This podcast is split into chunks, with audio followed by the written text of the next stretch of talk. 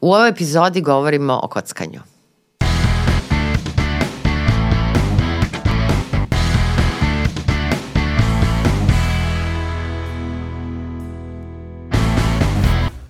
U ovoj epizodi Dva i po psihijatra, kao što sam i rekla u najavi, govorimo o kocki.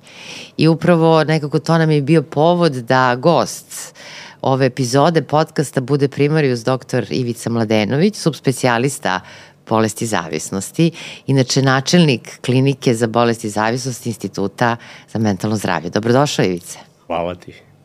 Ovaj, nekako e, u prethodnim epizodama govorili smo o različitim aspektima našeg ljudskog bića. Između ostalog, kolega Roberto je napravio jednu sjajnu epizodu u kojoj je doveo vrlo tipične ljude. Doveo je ljude koji se bave humorom, smehom. Vrlo dobro znaš, e, postoji takozvani homo ludens, pa onda homo lucidus, jel? Čovek koji se igra ili ovaj homo lucidus, čovek koji je šaljiv. I upravo to su bili ljudi koji, eto, da kažem, kroz e, čak ulogu klovna odlaze i pomažu u stvari ljudima e, u, da kažem, procesu isceljenja njihovih poremećaja. Ali takođe postoji jedan vrlo specifičan termin, a to je takozvani homo alator, jel, od ala, ala kažu neki je kocka, neki kažu da je sreća, to je čovek koji se kocka. Da li je kocka, onako da kažem, inherentna ljudskoj prirodi? Je li ona, da kažem, sastavni deo ljudskog bića? Ja bih rekao da jeste, ali ja više koristim e, termin koji se rekla homo ludens, čovek koji se igra, jel i kocka je vid igre na kraju Absolutno. krajeva i e, praktično to je u stvari jedan od obrazaca ponašanja koje, ja bih rekao, nemoguće ukinuti, nemoguće e, diskriminisati na bilo koji način jer je imanentan e, ljudima. E sad, e, naravno, u Uh, ovom obliku koji mi poznajemo, znači kao kockanje, to je prisutno, boga mi, pa ja bih rekao par hiljada godina, jer treba se setiti da u jednoj piramida, znači period je 2-3 hiljade godina pre nove ere, u onom starijem periodu, pronađene su kockice od slonovače. Da. Tako da negde praktično potpuno istovetne danasnim kockama sa onim brojevima od 1 do 6, tako da u to vreme su verovatno služile za igru, međutim znamo da u neka pradavna vremena u osvit istorije je u stvari služeno za, služile su za predviđanje budućnosti i za kontakt sa bogovima. Tako da taj deo u stvari koji e, postoji u smislu predviđenja budućnosti je ostao do danas i krucijalni je u razvoju zavisnosti. Nekako da kažemo, u jednom od svojih eseja čini mi se da je Ratko Božović upravo govorio o tom odnosu između igre i kulture i on kaže u stvari da igra prethodila kulturi, ali da nikako e, u stvari nije da kažem taj odnos e, e, kontinuiran u vremenu, već da u stvari postoji jedno preplitanje stalno u ontološkom smislu između igre i kulture i da naravno mi jesmo igre, da, biće igre, odnosno je to je taj homo ludens u svakom slučaju, ali ono što je interesantno to je da e, savremeno vreme, vreme u kome mi živimo, e, obilo upravo, e, da kažem, e, mnoštvima igara, odnosno daje prostor za pogoduje rast, e, pre svega mislim tu na tehnologiju, na intro, jednu vrstu intro, e, e, kako bih to nazvala, industrializacije zabave, koja otvara prostor i za zloupotrebu. Tako da e, jeste činjenice da smo se eto predelili da danas govorimo i o jednom specifičnom, ekstremnom obliku kockanja, to je patološko kockanje, ali već kada smo krenuli od igara, da li igra može da bude patološka? Igra po definiciji ne može, ali uh, može ako ne vodimo računa o uh, kvantitetu. Znači, e, po definiciji to je kreativna aktivnost, ali ako vi zapostavljate druge aktivnosti da biste se samo igrali, po automatizmu dovodite u opasnost svoju funkcionalnost, međuljudsku međuljudske odnose i tako dalje. Znači, per se ja ne bi nazvao igru opasnom, ali ona nosi nešto šta je adiktivnost. Tako da negde, u stvari, ja bih volio da definišemo referentni okvir. Kada govorimo o a, zavisnostima uopšte, mi govorimo o tri aspekta. Govorimo o socijalnom, govorimo o personalnom i o karakteristikama igre. E sad, a, da li a, je nešto po sebi loše ili po sebi dobro, jako je teško tvrditi da je to tako, ali jako je teško i tvrditi da je nešto 100% dobro ili 100% loše, je li tako? Tako da, ako ne nađemo pravu meru, sve može da se pretvori u svoju suprotnost, tako i igra. Tako da negde, ako govorimo o samim igrama, ti si dala lep šlagvort, danas je industrializacija igara i praktično poenta današnjeg vremena je da kroz igre a, pokušaju da pruže ljudima nešto šta im nedostaje, a to je doživljaj sebe, postojanje životne filozofije i nešto šta će ih ispuniti. I onda znamo da su potrebni stimulusi a, različite vrste, a igre su onako dušu dale za to, pogotovo u virtuelnom svetu. Tako da negde poseban problem danas u stvari predstavlja ta isprepletanost interneta i u ovom našem slučaju kockanja sa dvostrukom potencijalnom opasnošću i zavisnosti od interneta i zavisnosti od kocke. Dakle, imamo zapravo duplu zavisnost. Jer nekako stalno se e, apostrofira današnje vreme, dug današnjeg vremena, a u stvari znamo da čuvena rečenica hleba i igara ipak nije rečenica 21. Veka, veka. I kao što si negdje pomenuo, taj istorijat jako važan da bismo mi shvatili taj kontinuitet pre svega ljudske prirode, ono što je, da kažem, sastavni deo ljudske prirode, ali i ovog ekstrema koji je patološki. Jer upravo ovo što si sad pomenuo se u stvari odnosi na svaki aspekt ljudskog bića. Jel? Mi to vrlo dobro i ti i ja znamo u psihijatriji da postoji nešto što nazivamo kontinuumom od normalnog do patološkog, da praktično svaka ljudska osobina može da bude istovremeno, u jednom podcastu smo o tome pričali, vrline i mana, uzimo na primjer i strajnost, jel? Tako. koja s jedne strane nosi e, jedan kapacitet čoveka da uproko svim preprekama i jadima on nastavlja svoj put, a sa druge strane e, može da podrazumeva jednu vrstu neumerenosti koja je neretko prisutna upravo kod ljudi e, kojima se ti baviš, kojima si posvetio svoju profesionalnu karijeru, a to su ljudi koji pate od nečega što zovemo bolesti zavisnosti, a ono što se interesantno dešava poslednjih godina u domenu bolesti zavisnosti je upravo proširenje da kažem, te palete diagnoza, odnosno neka stanja koje smo mi ranije u psihijatriji uslovno rečeno nazivali e, poremećima kontrole impulsa gde je spadalo recimo patološko kockanje.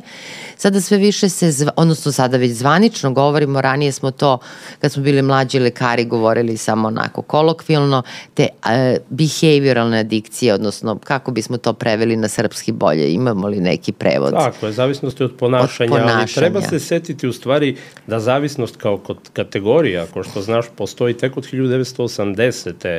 godine godine, odnosno 81. Ali ja bih rekao da postoji formalizovano, jer e, eto, mali kuriozitet je da je još u vreme Trojanskog rata postojao problem kockanja vojske, znate, kada uh mhm. -huh. vojska logoruje, a znamo koliko su drugo da. Grci tako logorali ispred, ispred Troje, da još u to vreme postojao problem a, a, kockanja i a, postoji ona čuvena slika junaka Ahila i Ajanta, rekao bi, čini mi se, koji se kockaju u pauzi Trojanskog rata. Tako da negde treba se setiti i srpske istorije, naravno, ona čuvena priča zašto smo izgubili u bitci na Kosovu, više se tiče Maričke bitke, kada se navodno napila srpska vojska pa izgubila, verovatno ima neke istine u tome, ali je takođe i kocka bila jako veliki problem. Tako da kockanje kao problem perzistira, ono što smo malo čas rekli na početku, ja bih rekao kroz celu istoriju, a sticajem okolnosti, eto, valjda su je tad e, stekle okolnosti, jel tako, tek 80. godina 20. veka je da. formalizovana da. u patološko kockanje kao poremeća impulsa, a tek pre par godina, jel tako, je a, prešla u nešto šta je nova kategorija behavioralne zavisnosti kao prva kompletna zavisnost sa još jednom, a to je um, jel tako, igranje video igara preko interneta koja je druga zavisnost, jel tako, uh, iz domena behavioralnih zavisnosti. Da, kako sad to Svetska zdravstvena organizacija deli na ove online i offline igrice, mada su, pretpostavljam, iz tvoje prakse ti još to bolje znaš, online češće od offline, jel? Online su i adiktivnije, znate, mm -hmm. znaš, kad mi kad pričamo o adiktivnosti, adiktivnost je u stvari potencijal nekog ponašanja ili substance da dovede do zavisnosti. I ko što znamo, najveći potencijal u tim igrama ima u stvari elektronski rulet. I elektronski rulet je skodno tome zabranjen u mnogim zemljama. Međutim, kada govorimo o tim igricama, recimo, a, tačno je, multiplayer, online igrice su mnogo adiktivnije od offline i praktično, mada ima u celoj priči dosta licemera da se razumemo, jer mislim, ako neko provede, a znaš i sama šta stoji u diagnostičkim kriterijuma, ako neko provede 20 sati na internetu zarad posla, jel tako, onda to nije problematično, ako provede više od sati i po ili dva zarad igre, jeste problematično. Ja se slažem, Ne možemo danas bez e, interneta, ali rekao bih da tu ima jedan delić licemerja.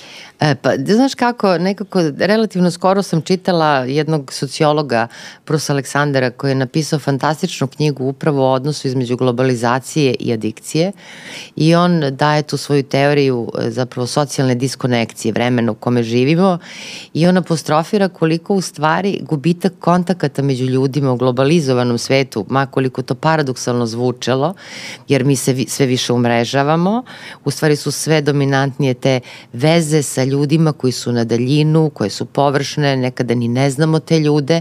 Kad kažem sve više smo u kontaktu, mislim na vreme provedeno sa tim ljudima, s jedne strane, a sa druge strane sve manje smo sa bliskim ljudima, sa svojom porodicom, prijateljima, dakle jedan totalni paradoks i on u toj knjizi apostrofira u okviru te svoje teorije diskonekcije i dislokacije, pre svega dislokacije, a to je da čovek današnjice nije zavistan samo od droge, nije zavistan samo od kocke ili od interneta, zavistan je od moći, i od, od bogatstva i od ljubavi, uslovno e, rečeno, i od različitih drugih oblika aktivnosti. Ali nekako ajde danas da se fokusiramo na ono čime se baviš i zaista s ponosom, evo nas dvoje ovde u studiju možemo da kažemo da je izuzetno, da kažem, renomirana e, institucija baš kada je u pitanju e, lečenje patološke forme kockanja, jel? jer tu jako bih voljela da naši slušalci u stvari negde da se tu malo sada fokusiramo, koja je to razlika između kockanja, kao da kažem, sastavnog dela života mnogih ljudi i patološkog kockanja. I da kažem, kasnije možda ne bi bilo loše da pomenemo i takozvane profesionalne kockare. Postoji Tako i profesije koje, jel, ljudi je. koji zarađuju novac od toga. Dakle, šta, je, šta bi u stvari to iz perspektive tebe kao uh, psihijatra, ali i subspecijaliste za bolesti zavisnosti bilo normalno, običajeno, svakodnevno kockanje, a šta je to kada u stvari to prelazi u bolest, u patološko kockanje, da. E sad je e, jako teško pričati o tome a da, da ne dotaknemo ličnost, strukturu ličnosti i zrelost ličnosti. Jer e, praktično rekao bih da je to kardinalni faktor, krucijalni koji određuje e, trenutak da li će neko da sklizne u kockanje ili neće. Zato su ljudi pametno uh, se setili, jel tako, shvatili da mladi ljudi ispod 18 godina, ja bih bio slobodan da kažem čak i do 25 godina, jer treba se setiti da je negde to prolongirana adolescencija, ovaj, uh, jako teško mogu da izađu na kraj sa nečim što je tako adiktivno kao što je kockanje. Zbog čega? Već sam malo čas rekao da je problem današnjice, ko što znamo dobro i ti i ja, um, gubitak uh, integracije identiteta, nedovoljno zrelih ljudi, nedovoljno ljudi koji imaju životnu filozofiju i koji imaju neka htenja i cilj u životu. Uh, sa tom pričom, sa stabilnim unutrašnjim svetom, kako mi to kažemo, je tako, i tim unutrašnjim objektima koji teše i stabilizuju, jako teško možemo odoleti svim izazovima današnjeg sveta.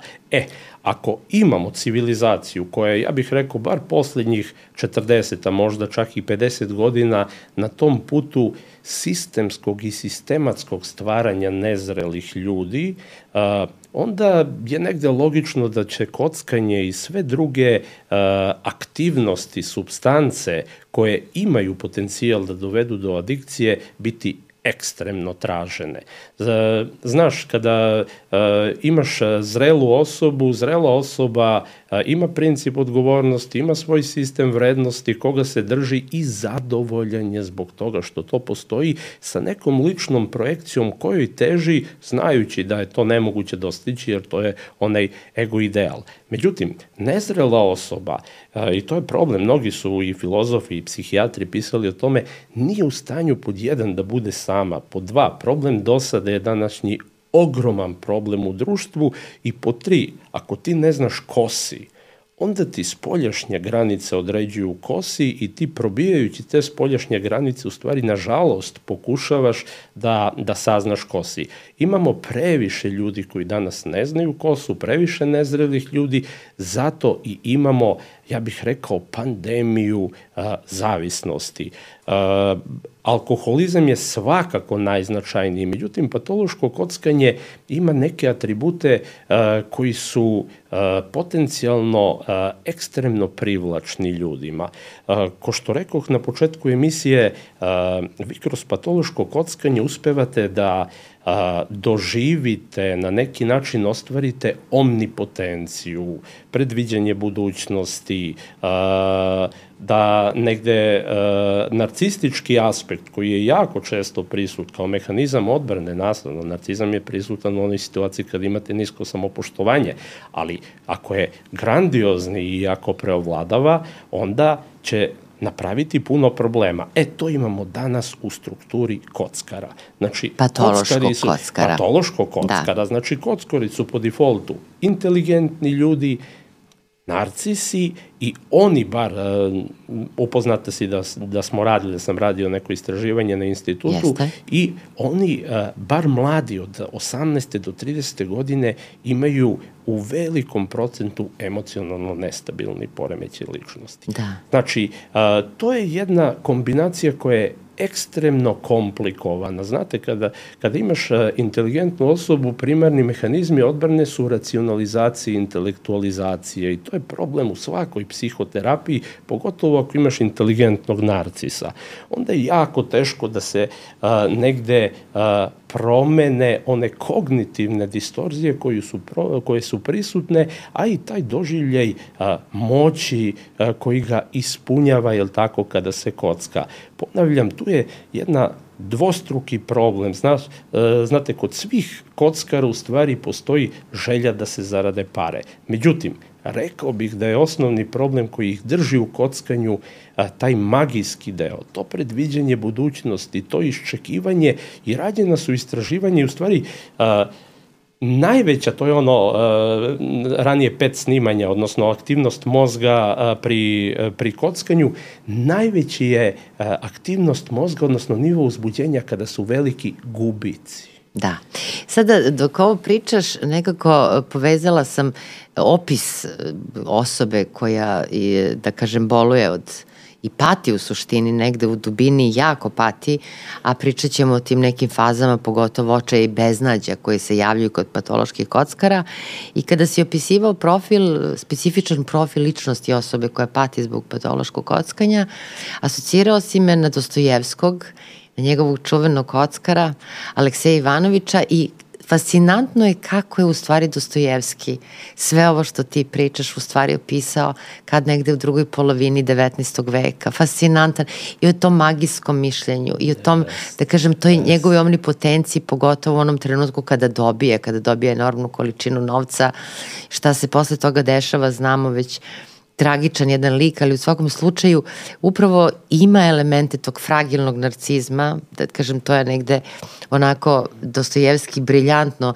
I mislim da ako neko poznaje ljudsku dušu, onda su to u stvari pisci i ljudi koji se bave pisanjem i koji pročavaju književnost i zato nekako evo mi u institutu pokušavamo da naše mlade kolege, da kažem, i sa te strane edukujemo kroz razne vrste aktivnosti i jako sam ti zahvalna što mladi ljudi koji dolaze na specializaciju na kruženje kod tebe na kliniku nekako dobijaju punu sliku Dakle, ne samo ovaj klinički, već i daleko širi deo. Svakako, a samo da se nadovežem da. kad smo kod Dostojevskog. Mislim, e, i ti i ja znamo da je negde verovatno jedan od najvećih e, pisaca svih vremena. E, Dostojevski je, naši slušalci, bit će verovatno interesantno, dosta toga pričao iz ličnog iskustva. Dostojevski ima jako obimno delo i, ajde da kažemo, to bi bilo malo crnih umar, on je to veliko delo i napisao u dobroj meri zahvaljujući kockanju, odnosno kockarskim Svom. dugovima, da. jeste. Da. On je imao obaveze prema izdavačima i onda gubeći pare morao je da piše sve te romane, hvala Bogu, imao je a, dovoljno i kreativnosti da to budu vrhunski romani, a eto opet jedan mali kuriozitet vezan od Dostojevskog, valjda je on ostao dužan u Karlovim varima, odnosno čuvenom Karlsbadu, je tako, u to vreme neki dug sa svojim kockanjem i onda je čuveni Roman Abramović, je tako, otišao i pre par godina vratio dug Dostojevskog od 100.000 da, od 100.000 evra. Tako da znala, negde da. Dostojevski je veliki, jedan tragičan lik, ali um, odličan opis, odličan opis e, kockara i u stvari kad govorimo o kockarima, uh, ti si lepo rekla, taj fragilni narcizam je krucijalni faktor kada neko probije u bolest. Da. Međutim, ako uz inteligenciju postoji obsesivni deo za koji znamo da je najkompleksniji mehanizam odbrane, e, onda postoji mogućnost da on pređe u nešto, si malo čas rekla, to su profesionalni kockari. Uh -huh. uh, obsesivnost zarad slušalaca je u stvari glavni problem kontrole.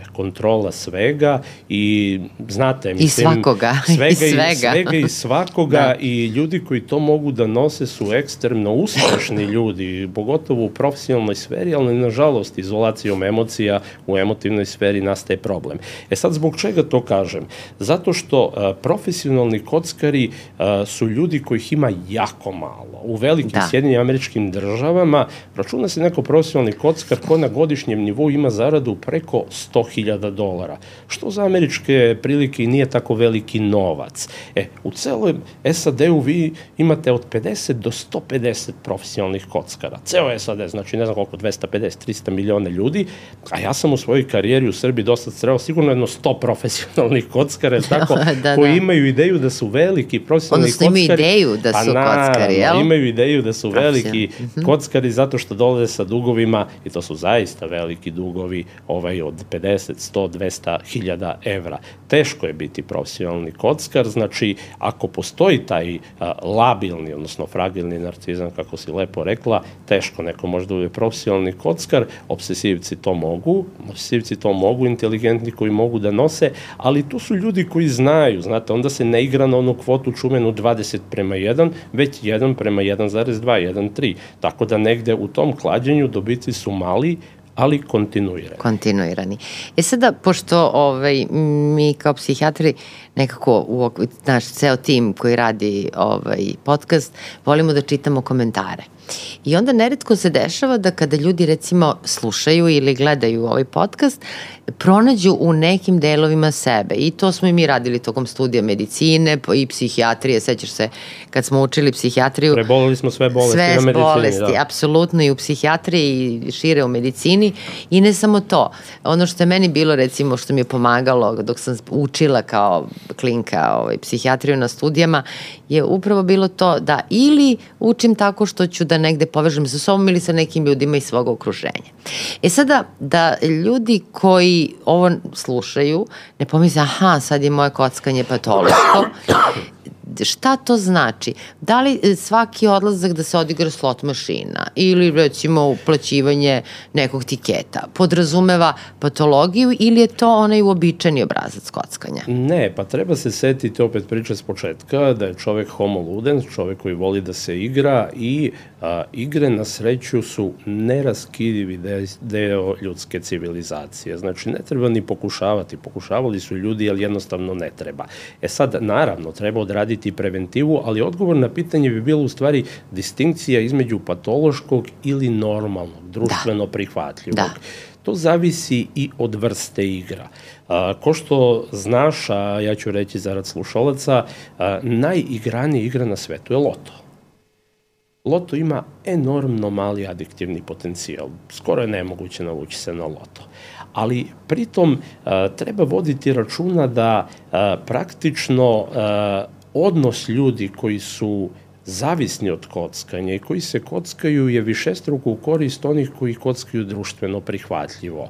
Međutim, u toj u tom stratumu, ljudi koji kockaju društveno prihvatljivi su oni koji igraju uglavnom loto, bingo, keno, lutriju, jel tako, da. do nekle a, klađenje na sportske događaje, međutim ova prva grupa spada u grupu a, igara na sreću koji imaju jako mali adiktivni potencijal. Znači e sad, imaju mal, ne, ne, da prosto pojasnimo, kad kažeš adiktivni potencijal, po tim podrazumevaš da izazivaju zavisnost. Tako je, enormno je mala verovatnoća da će doći do zavisnosti. Kada neko igra loto. Tako, tako je, tako je. Mm -hmm. I najveći broj igrača jel tako, spada u tu grupu. Znači, društveno prihvatljivo je. Sad, društveno prihvatljivo se karakteriše ono kockanje nije definisano kao bilo koja zavisnost kroz neku meru. Nijedna zavisnost nije definisana kroz meru, već kroz druge kriterijume.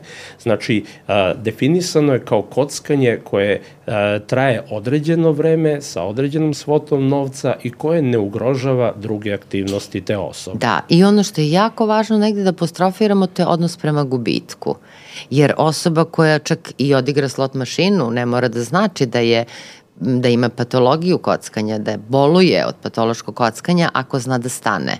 Ako zna da jednostavno kada dobije neku malu svotu novca ili izgubi neku svotu novca u skladu sa svojim socioekonomskim statusom svakako, da može da stane.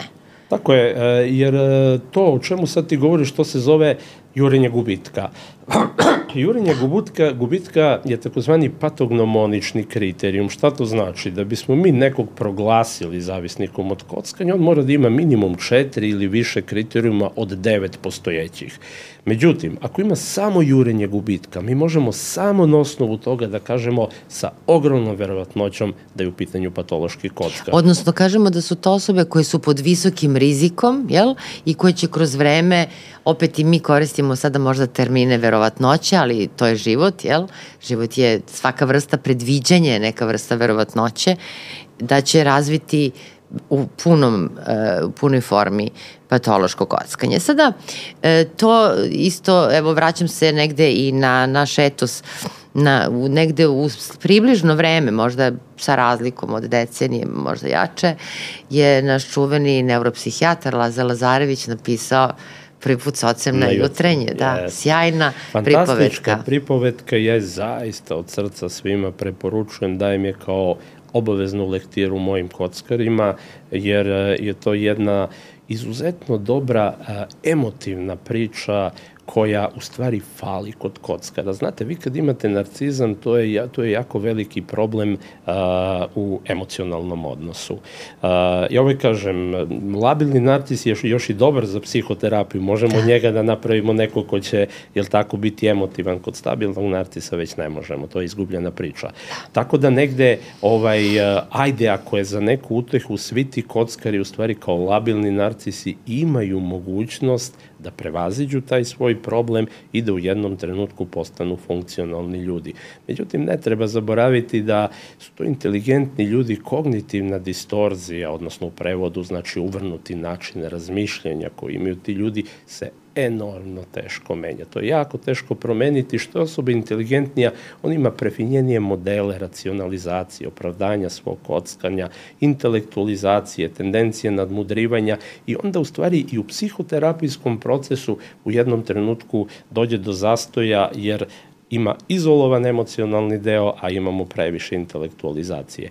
Ali, uh, znači, ko što si lepo rekla, kockanje je legalna aktivnost, legitimna aktivnost. Jedino što meni smeta i od uvek mi je smetalo što negde postoji tendencija umanjivanja rizika i imamo nešto što je, rekao bih, dosta neprimereno širenje broja kockarnica, Znate kako, da li će biti na 50 ili 100 metra od škole, pa i to je u stvari diskutabilna priča. Nismo mi mnogo postigli time što smo udaljili na 100 ili, 100 ili 200 metara. Ja sam u toj priči insistirao da bude minimum 500 metara, ali ne treba zaboraviti da je kockanje i ogromna industrija, da se tu vrte velike pare i na kraju krajeva treba reći da država ima veliki profit od kockanja i da se čitav spektar organizacije, Crvena, Crveni krst uglavnom živi od kockanja, mnogo udruženja invalida uglavnom žive od kockanja.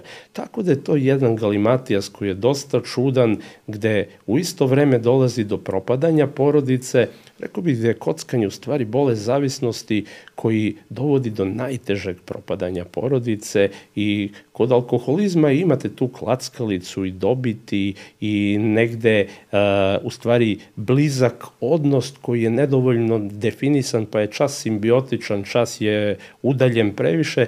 Kod kockanja imate situaciju gde čovek propada, gde porodica propada, gde se gubi poverenje i to je zaista izuzetno teška bolest. Pa upravo evo sada bih se malo fokusirala na tu temu, jer lepo se nadovezuje upravo na ovu Lazinu pripovetku u kojoj on e, ne samo da daje briljantan psihološki profil e, jedne konzervat tradicionalne porodice vremena u kome je živeo, već upravo i profil odnosa između oca i sina zaista taj kraj pripovetke je fascinantan i divno što daješ svojim pacijentima da pročitaju da vide jednu drugu vrstu ishoda, naravno, ali koliko je za takav jedan lep, što bi sada rekli, žargonski happy end, odnosno srećni kraj, koliko je važna porodica.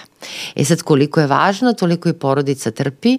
E, dok si pričao o asocijacijama je bila prvo da te pitam, E, ko je negde najmlađi pacijent koga si lečio od problema kockanja i ko je, da kažem, neko rizično vreme u toj adolescenciji, pogotovo sada e, proširit ćemo naravno priču, ne samo da govorimo o kockanju, možemo isprepletano, nije nikakav problem, već i ovim online igricama na sreću, da. Jeste. Najrizičniji period je definitivno period adolescencije, znači 15. 16. godina ja ću reći zarad slušalaca da praktično je kockanje za decu mlađe od 18 godina zabranjeno.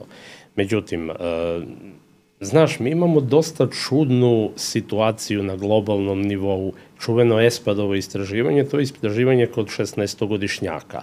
E sad to istraživanje kod 16-godišnjaka je učestalost kockanja, alkohola, droga, a, u stvari je tu, ja bih rekao, pokazatelj licemerija, jer je na globalnom nivou negde zabranjeno kockanje ispod 18 godina. Postoje neki izuzeci, ali ispod 18. Međutim, sprovode se i kockanje i alkohol, droge su već zabranjene, je tako, za ilegalna Absolutno, substanca. Da. Ali sprovodi se to istraživanje i u stvari hoću da kažem da bez obzira na zabranu, deca se snalaze, Uh, ali deca ne bi mogla da se snađu da ne postoje odrasli koji im izlaze u susret. Ali internet, on tebe samo pita koliko imaš godine. Ja sad mogu da je. da napišem da imam 102 godine Bravo. i on će prihvatiti. Tako je. Ili da imam 13. Upravo je tako i nažalost godinama imamo te neke sastanke gde postoji vrlo jednostavno rešenje i uh, gospodin Gašić iz uprave za igru na sreću, sarađivali smo i sa njim i došli smo do zaključka da bi to moglo da bude, a to su neke kartice legitimacije kockara koje potvrđuju da je neko stariji od 18 godina. Zaista, internet je jako nedefinisano polje. To je lov u mutnom da. i ne mislim da ne može da se reši. Može elementarno jednostavno da se reši, ali evidentno u ovom trenutku još uvek nije sazrelo vreme da sazrela situacija i došlo vreme da se, da se to razreši. Ali odgovor na pitanje bi bio u stvari kroz nešto što i sama znaš. Mi na klinici imamo dnevnu bolnicu za a, decu mlade od 12 do 18 tako godina, je, za mlade je. zavisnike. Znači, ako neko dođe na lečenje, do duše, to su uglavnom momci 15, 16, 17, 18, ali jave se i ovi izuzeci, pogotovo internet sad jako opasan, te video igrice, pa i ova deca se e, javljaju. To znači da ako neko sa 15, 16 godina dođe kod nas na lečenje, pa on je već sigurno par godina bio u nečemu što je nekontrolisan pristup, nekontrolisan pristup kockanju sa 14-15 godina je enormno veliki problem adolescencije, normalan razvojni period gde nemaš jasne granice, predstavu o sebe, nisi zrela osoba i tu je društvo i roditelji da na neki način kanališu i daju te granice, na kraju krajeva i služe za formiranje granica. E sad, ako su oni sa 15-16 godina došli na lečenje, tu je jako veliki problem i u porodici i u društvu i ja bi se jako složio s tobom um, dosta toga potiče od porodice, da. znaš, ali ne, ne u smislu da ja sada prebacujem roditeljima, već uvek prebacujem sistemu. Sistem je za sve kriv, pa tako je po defaultu. Uh, Misliš jer, na opštu teoriju sistema? Opšta teorija sistema, da, na, sistem na globalnom nivou. Tako je. Tako da negde a, ovaj a, a, iz prostog razloga jer ne možeš dati u, ruk, a, u ruke nekome ko nije zrela osoba igračku koja je potencijalno opasna.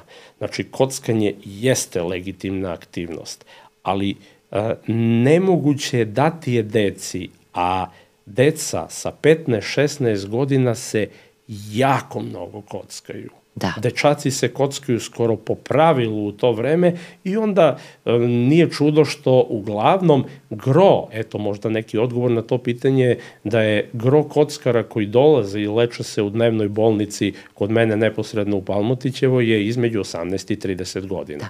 I sad, znaš, tu mi je sad, razmi, razmišljam nešto apropo e, novih tehnologija, smart telefona koji su sastavni deo našeg života već više od jedne decenije. Uh, ono što je jedna čuvena ovaj, da kažem, naučnica, ona se više bavi, da kažem, pravljanjem patenata, Peti Mes rekla, mi smo nekad imali levu i desnu hemisferu, sada je nama jedna hemisfera, naš mozak, druga je smart telefon, dotle ide. E, da li je upravo ili nije, o tome možemo, naravno, svako od nas i koji sluša ovu epizodu da asocira. Međutim, ono što se pitam, ti imaš klinca od 15 godina koji je fenomenalan najtivac i koji već sad pravi start-upove. I imaš čitave kompanije koji bukvalno zapošljavaju mlade ljude od 12, 15, 16 godina i koji prave ingeniozne stvari I imaš njihove vršnjake koji su, nažalost, tu tehnologiju upotrebili u samo destruktivnom pravcu, u pravcu recimo patološko kockanje i prave enormne dugove, pomenuo si to može da bude red veličine i stotina hiljada evra i, ljudi, i roditelji čak prodaju stanove i prodaju nekretnine i ti to mnogo bolje znaš od mene. Svaki dan to radiš, ja to radim da kažem ovako više povremeno, ali sam se naslušala tih priča. Ono što me interesuje, da li postoji neki, neko opšte mesto u tom scenariju? Kako mlada osoba uopšte ulazi u jedno takvo samo destruktivno ponašanje? Razumeš šta hoću da ti kažem? Absolutno. Kako on sada kreće u taj svet e, kocke, mislim na virtualnu kocku Tako i postaje patološki kockar. On nije od početka m, samo destruktivan. Treba se setiti da je to život u bajci. Virtualni svet je verovatno konstrukt koji je najadiktivniji konstrukt koji postoji. Znači, konstrukt sa najvećom verovatnoćom da dovede do zavisnosti i treba biti baš ono zrelo do maksimuma da bi se neko odupro tome. Tako da deca to nisu. E, deca po pravilu, e, mislim, ja moram da kažem, e, danas je nemoguće živeti bez interneta, ali se zaboravlja činjenica da taj internet ima dve strane medalje. I meni je u stvari jako žao što te preventivne aktivnosti nisu dobro odrađene. A Znaš kako, preventivna aktivnost nije da ja odem i održim u školi predavanje. Ali Preven... evo ovo sada je. E, o, ovo jeste. Ovo jeste na neki način. Znaš, ovo bi mi nazvali dizanjem svesti, ili tako, tako na jednom je. globalnom nivou. Tako je. Ali ja bih bio mnogo zadovoljniji ako bi obrazovni sistem bolje funkcionisao i ako bi, što kaže veliki Kant, pravda bila kategorički imperativ. E, to su osnovni problemi. A, porodicu sam hiljadu puta pominjao, ne mogu da je ne pominjem ni sada.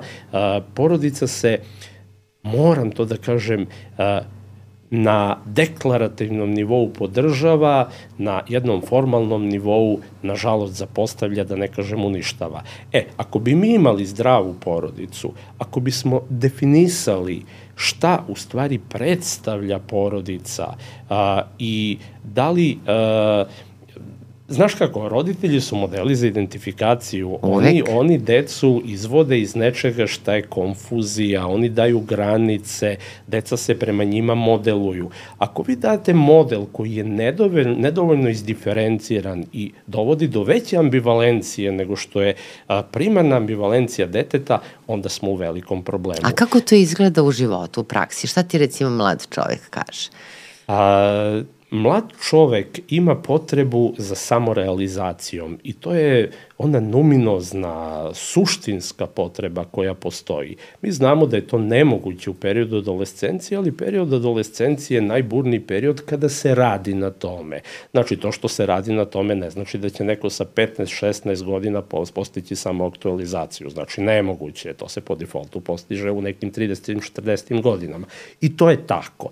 Tako da negde ta mlada osoba bi u stvari trebala da ima ono što mi kažemo dobre unutrašnje objekte, svet koji je dovoljno stabilan, a unutrašnji objekti su roditelji. Da bi ti imao dobre unutrašnje objekte, moraš da imaš poverenje, ljubav roditelja, moraš da imaš bazično poverenje. Znaš, znaš kako, to je jako velika istina To jeste psihoanalitička priča, ali je jako velika istina. Bez bazičnog poverenja koji nastaje odnos majka dete u prvoj godini, veliki Freud je govorio dete je otac odraslog. Mislim, nema tu mnogo filozofije. Jeste i Vinikot Ta, isto je rekao je. da za zrelu osobu je potrebna dovoljno, dovoljno dobra majka.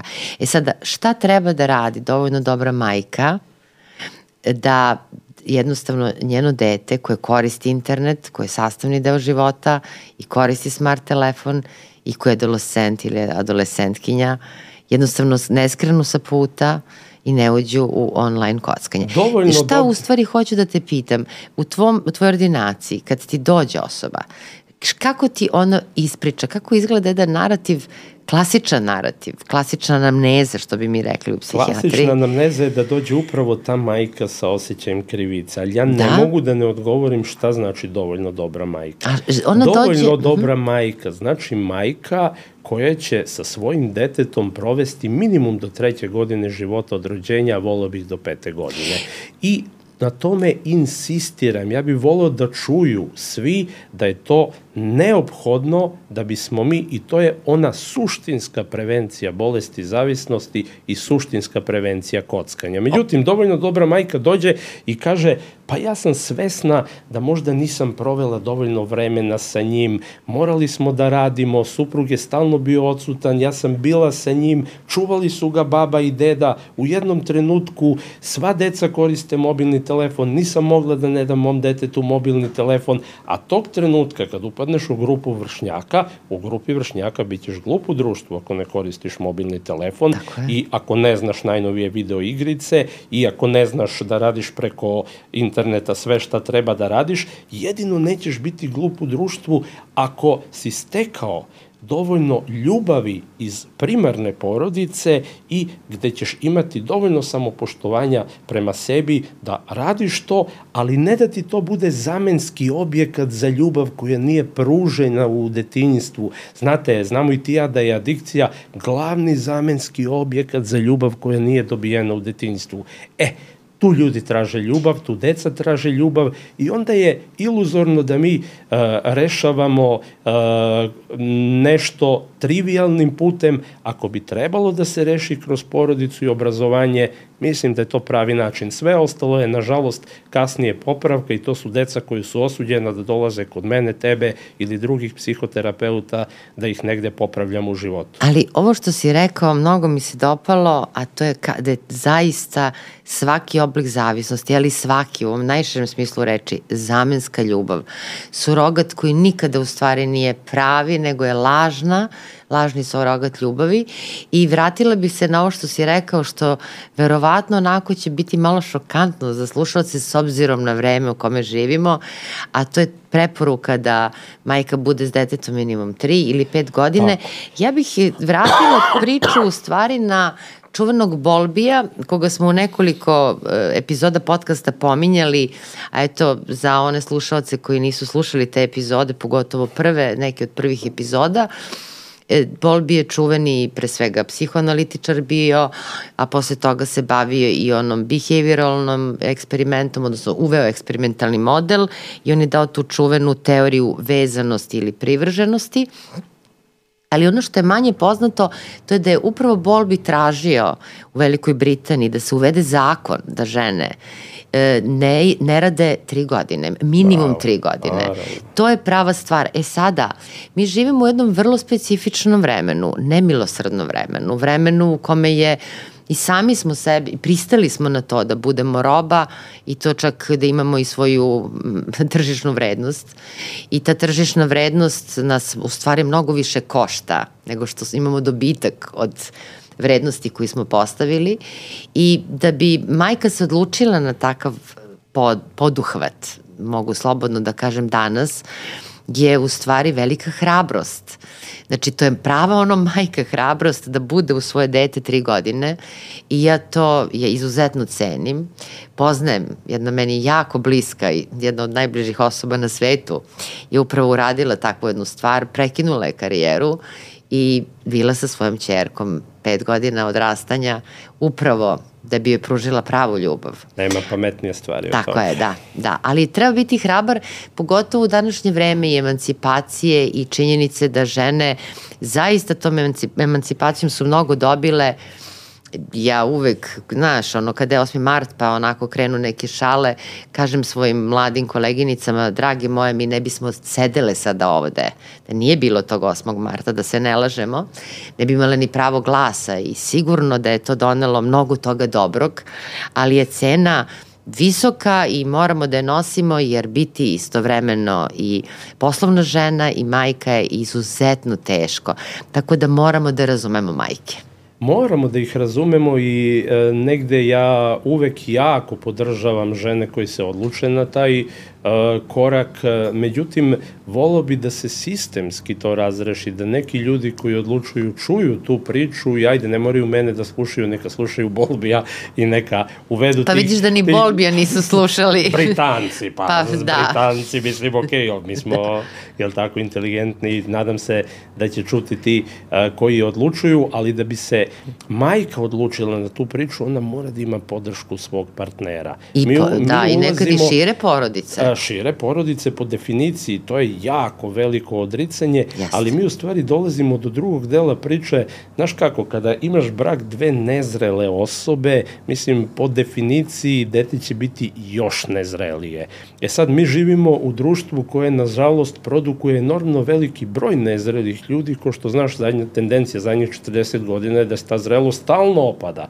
To znači da... Um, da evo, se pomera granica sazrevanja. Pomera se i granica sazrevanja i imamo sve veći broj upravo emocionalno nestabilnih poremećaja ličnosti, poremećaja ličnosti u celini, ali prevashodno emocionalno nestabilnih uh, poremećaja ličnosti.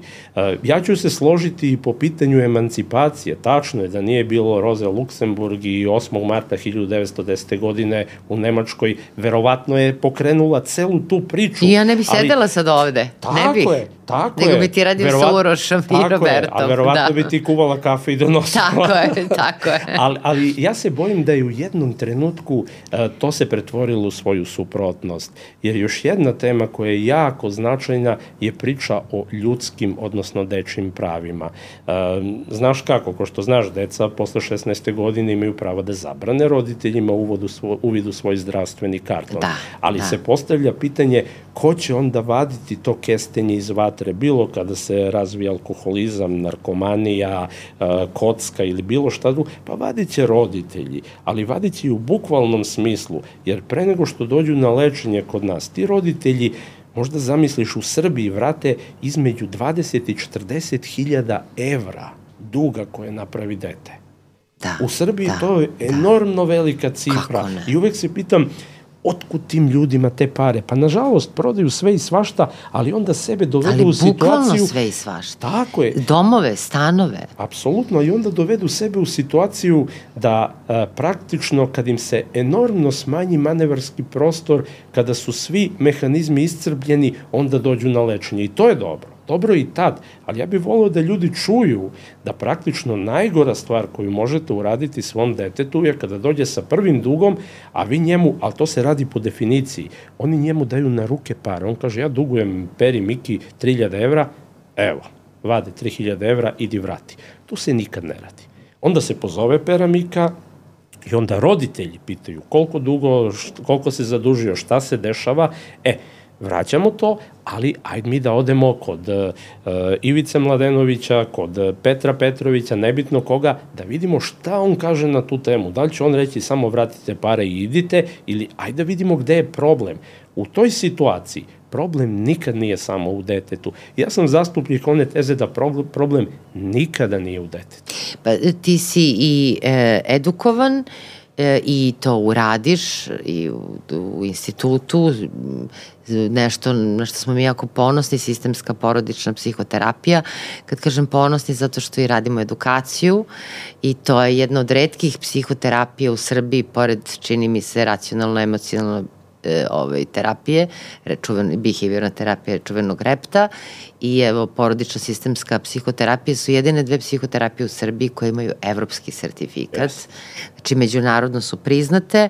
Kažem, posebno sam ponosna pošto vodim kabinet za edukaciju u okviru koga se sprovodi to, a ti to, znači, eto, ja se bavim tom vrstom edukacije, a ti to sprovodiš u delo. Uh, u okviru klinike za bolesti zavisnosti i nekako e, ono što znam to je da uvek zahtevate kad kažem zahtevate, mislim na tvoj kompletan tim, jer tvoj tim podrazumeva i psihijatre, i psihologi, i socijalne Tako radnike, je. defektologe i nezameljive sestre. Tako je. Oni su svi edukovani, što je jako važno, imaju, da kažem, i psihoterapijsku edukaciju. Zahtevaš u stvari lečenje celog sistema, celog porodičnog sistema, E, pretpostavljate tako kad je u pitanju kocka, ne pretpostavljam nego sam sigurna. Baš tako, baš tako. Dadoša se slažem s tim. E, bez lečenja cele porodice je nemoguće, jer ako se setimo onoga šta smo rekli pre desetak minuta, da je ta ista kocka zamenski objekat za ljubav, da je nestalo poverenje, da je nestalo bliskosti, da se razvio pseudo-self i da u principu, koji je po definiciji nešto loše, nažalost živimo u društvu gde eto, možda ću biti maliciozan, 90% ljudi se poistovetilo sa pseudoselfom, nažalost, ovaj, ali uh, u toj situaciji nemoguće rešiti, rečiti samo dete. I kada imate i sistem gde su zreli ljudi, punoletni, opet je jako teško lečiti samo jednu osobu. Jer uh, praktično ako je to dete dospelo u zavisnost, razvilo kockanje, dug, uvek se postavlja pitanje gde su bili roditelji. Ja nemam običaj da optužujem roditelje, samo hoću da kažem da se roditelji vrlo često ne snalaze dovoljno dobro, da nemaju dovoljno podrške, da nemaju razumevanja na radnom mestu kada moraju da odsustvuju zbog roditeljskog sastanka, zbog toga što nema kod im čuva dete ili bilo šta. Razumem ja i poslodavce, ali da. negde mora da se vodi računa da je to prioritet. E, ako to nije funkcionisalo, a nažalost to nije funkcionisalo kod tih zavisnika, onda mora cela porodica da dođe i mi imamo jako lep uspeh, zaista, eto, malo i da se hvalimo, mada ti znaš ti jako dobro te cifre. Jeste. To je jedno istraživanje uh, koje u stvari bilo i moj subspecialistički uh, rad o kockanju uh, mladih uh, od 18. do 30. godine sa nekom projekcijom od praćenja od dve godine. Svetska zdravstvena organizacija traži minimum godinu dana nepostojanja simptoma. Mi smo negde rigidni, jel tako, i tražimo dve godine u celoj toj priči. I uspeh je zaista, eto mogu da kažem, fascinantan. To je 66%, ono uvek u šali kažem, ni Betty Ford nema toliki uspeh sa 50.000 evra mesečno koliko košta. Kod nas možete besplatno da dođete na u institut, na uput dođete u institut, cela porodica i odradite jedan životni posao. A ono što je jako važno to je da vi u okviru programa lečenja imate da kažem, e, dve vrste bolnica.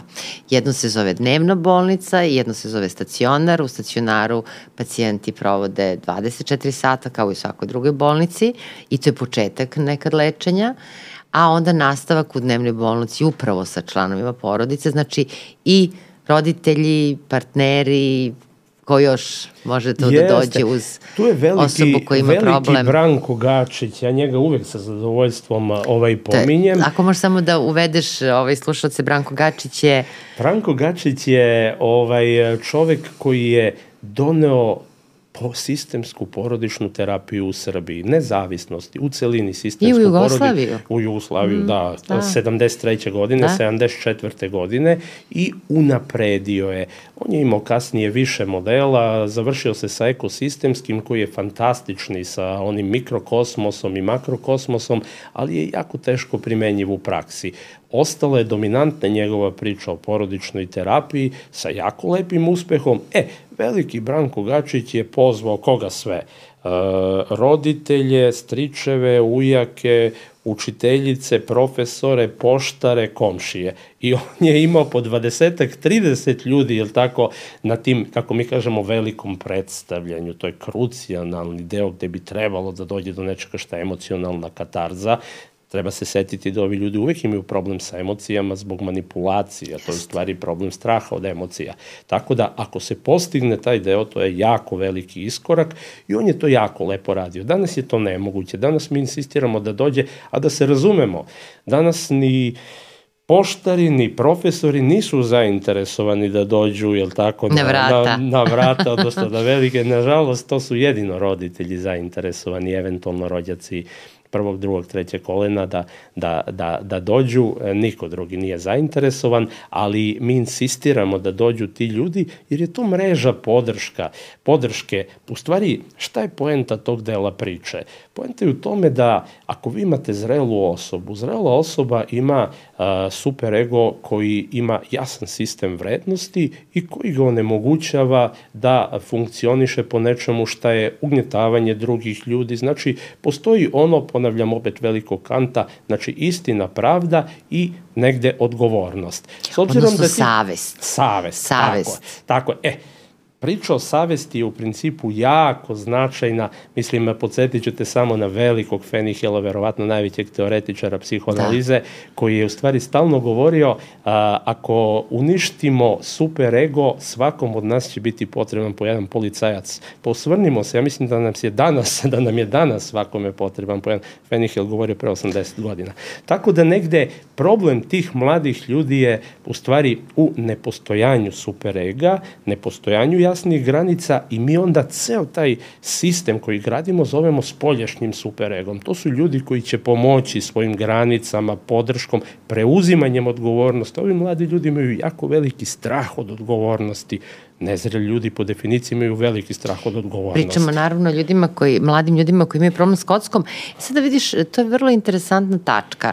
Dakle, kada se mlad sa osoba koja ima problem sa kockom suči sa gubitkom, mislim na finansijski gubitak i na veliko zaduživanje, i kada nastio na, pogotovo ne faza oče, nego baš beznađe, kako mm. mi to nazivamo jel, u kliničkoj praksi, uh, E, tada postoji čak i rizik visoki od samoubistva yes. i od različitih drugih, da kažemo, onako nepovoljnih ishoda.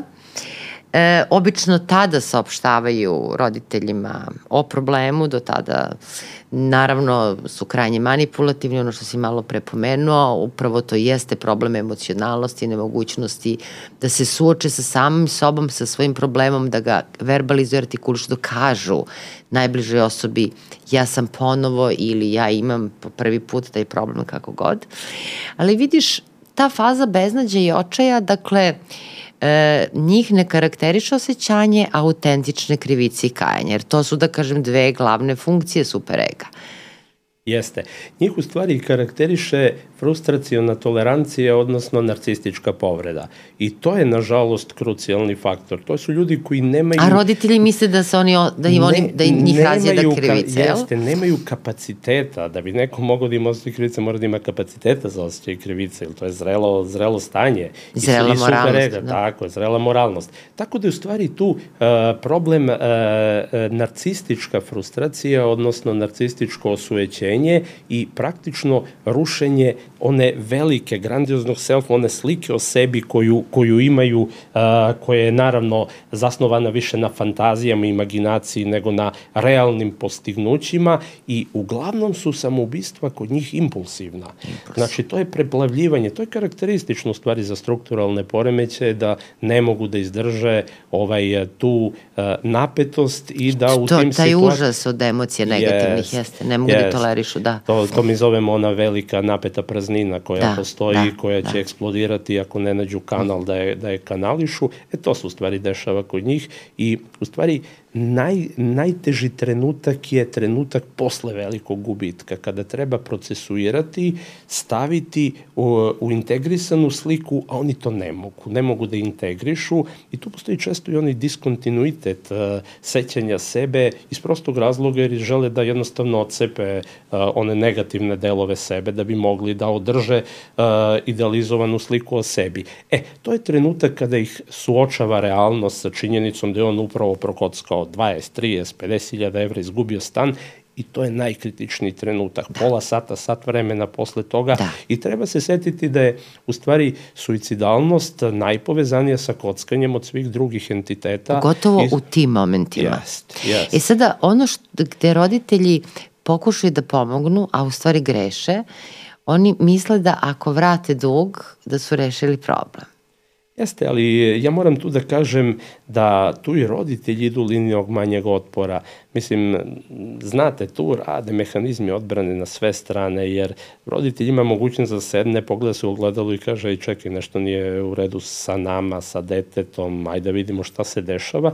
Onda i njima najlakše da kažu, a pritom, uh, ta, ta deca ili ti ništo samo deca i ljudi to znači odrasli ljudi Naravno. koriste manipulaciju pokušavaju da se uvuku pod kožu jel tako i da na taj način uh, umilostive bogove bi rekli, jel tako, mhm. magijski, što jeste u stvari prisutno pa, magijski kod njih. Tako kvalitet, je. da. Tako je, tako da negde, a ovi su podložni jer imaju dve mogućnosti. Jedna mogućnost je da otvore Pandorinu kutiju, a druga mogućnost je da veruju i da kažu, e, pa desilo mu se, aj mi da vratimo taj dug, on je dobar momak. Uglavnom rade ovo drugo. Drugo. Uglavnom. I onda praktično, ja bih volila da u okviru Patreona malo damo savete neke vezano, da kažem, za roditelje, odnosno roditeljima, pogotovo mladih, koji imaju ovu vrstu problema, ali koja bi nekako, da kažem, bila možda poruka za kraj, pričali smo malo o prevenciji, pričali smo malo, da kažem, i o samom procesu lečenja, ali na, šta bi ti negde poručio na kraju mladim ljudima koji još nisu zagazili, na koji način u stvari treba da izbegnu to minsko polje ovaj, virtualnog sveta, a i realnog sveta u kome se nalazi kocka, ali ona, je, ona tamna strana kocke, ne mislim pa na ovu dobru stranu, stranu igre. Jeste, ja uvek poručujem da pokušaju da pronađu one skrivene potencijale u sebi, ali oni to ne mogu. Skriveni su iz prostog razloga jer nisu uspeli, nisu imali dovoljno snage, nisu imali vetar u leđa da ih neko podrži, jel tako, u realizaciji tih potencijala. Zato je moja poruka u stvari uvek poruka porodici. Glavna stvar koja je u svim tim zavisničkim porodicama, to je kompromitovano poverenje. Gde nema poverenja, nema bliskosti, ima otuđenosti. Svako vodi, jel tako, svoju, svoju ekonomiju, je li tako, računovodstvo i onda na kraju krajeva to ispadne jako loše. Uh, poručujem roditeljima, uvek je moja poruka čuvajte porodicu, porodica će čuvati vas, niko vas drugi neće čuvati osim porodice, tako da negde ne postoje drugi prioriteti porodica je uvek prioritet, ni posao, ni karijera, ima se mogućnosti, znate, moramo da vodimo računa, mi živimo u vremenu imperativa. Ljudi često ne razmišljaju da li je to što se nama servira prava vrednost, da li je to zaista tako, nego se samo uključuju u igru i idu ka nečemu i onda shvate da su potrošna roba. E, porodicu treba čuvati, ako imate dobru porodicu, imaćete zdravu decu, imaćete zdrave roditelje i onda praktično možemo i da pravimo neku, jel tako, kreativnu i konstruktivnu budućnost. Bez porodice možda zvuči skeptično, ali ja sam lično skeptik. Hvala ti na gostovanju i nadam se da ćeš nam uskoro ponovo doći. Hvala tebi na pozivu.